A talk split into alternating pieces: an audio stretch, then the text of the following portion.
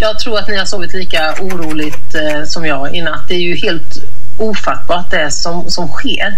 Att grupperingar av antidemokrater eller antidemokratiska grupper tar sig in i Kapitolium, eh, begår brott, eh, stjäl saker eh, och att det till och med blir så våldsamt så att, att fyra personer, vad vi vet hittills, dör är ofattbart. Och jag tänker att, att vi måste tala om Donald Trump och vad han faktiskt har lyckats bryta ner och förstöra under sin tid vid makten. Men det är ju inte bara han. Vi får inte glömma av det. Han har ju en hel stab. Han har ju människor som stödjer honom som, som har gjort det möjligt. Eller hur? Ja, och alla andra republikanska politiker som, som backar upp honom. Ja. Det, det är uppenbart att han, han är symptomet eh, och inte problemet.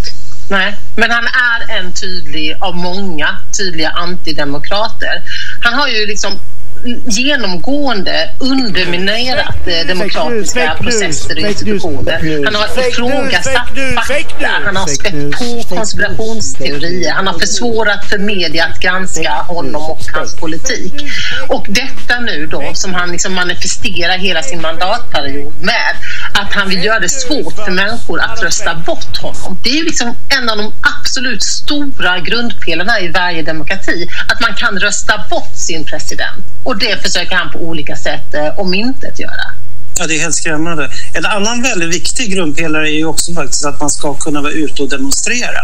Och eh, jag hoppas och tror att de flesta som var i Washington igår var just demonstranter som försökte göra en, en fredlig manifestation som stöd för Trump.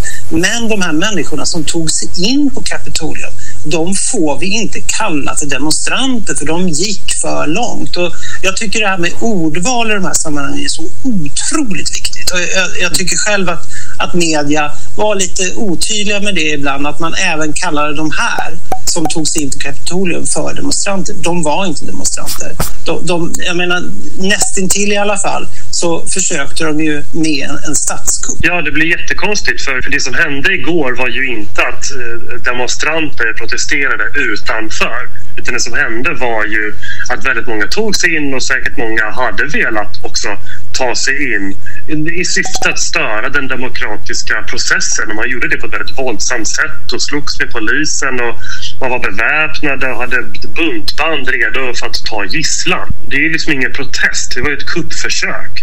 Ett försök, det är terrorism. Mm. Ja, men hoten eh, och alla de här orden som vit maktrörelsen har öst över, över oss alla under många år, de fick en konkret form. Det här är resultatet. Det är så här det slutar. Eh, och, och, och, det finns ju inget sätt man kan bortförklara det här på. Nu ser vi. Det är så här det går till. Det är det, det, här det blir.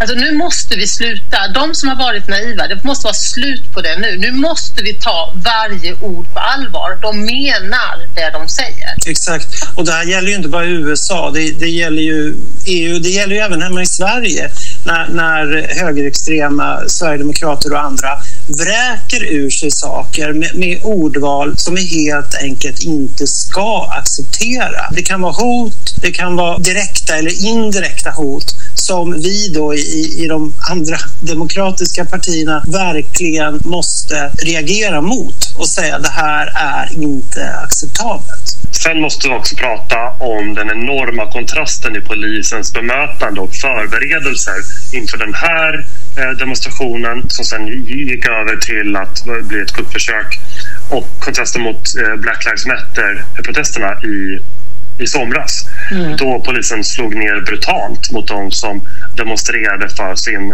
rätt att vara leva i frihet. Medan nu när vit matta-anhängare förberett sig länge och var beväpnade så var det liksom som att polisen knappt hade förberett sig.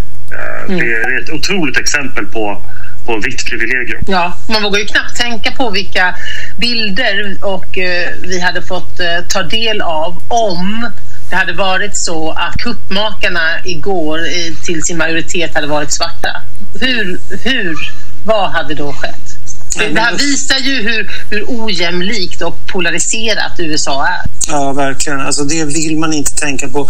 Men någonting som jag tycker man, man kan tänka på, kanske lite hoppfullt nu också under den här perioden in, fram tills att Joe Biden på riktigt blir eh, insvuren som nästa president, är ju att det här sannolikt har skyndat på, mer eller mindre tvingat Trump till att nu faktiskt lite mer officiellt erkänna sig besegrad och han har också på, på lite vaga sätt men, men trots allt lovat att, att det maktöverlämnandet ska ske fredligt. Mm. Och eh, vi får ju som sagt också hoppas på att övergången blir bättre, snabbare, fredligare men också kanske att fler av republikanerna nu tydligt tar ett avstånd ifrån Trump och därmed också legitimiserar eh, Joe Biden ännu tydligare som, som nästa president i USA. Mm. Och så får vi hoppas på, eller helt enkelt bestämma oss för att nu finns det inga mer, eller inga större, inga fler utrymme för bortförklaringar. Nu tar vi de högerextrema, vit maktrörelsen och alla andra extremister på allvar. De menar vad de säger. Det är slut på naivitet från alla, punkt slut. Och vi, alla som är demokrater,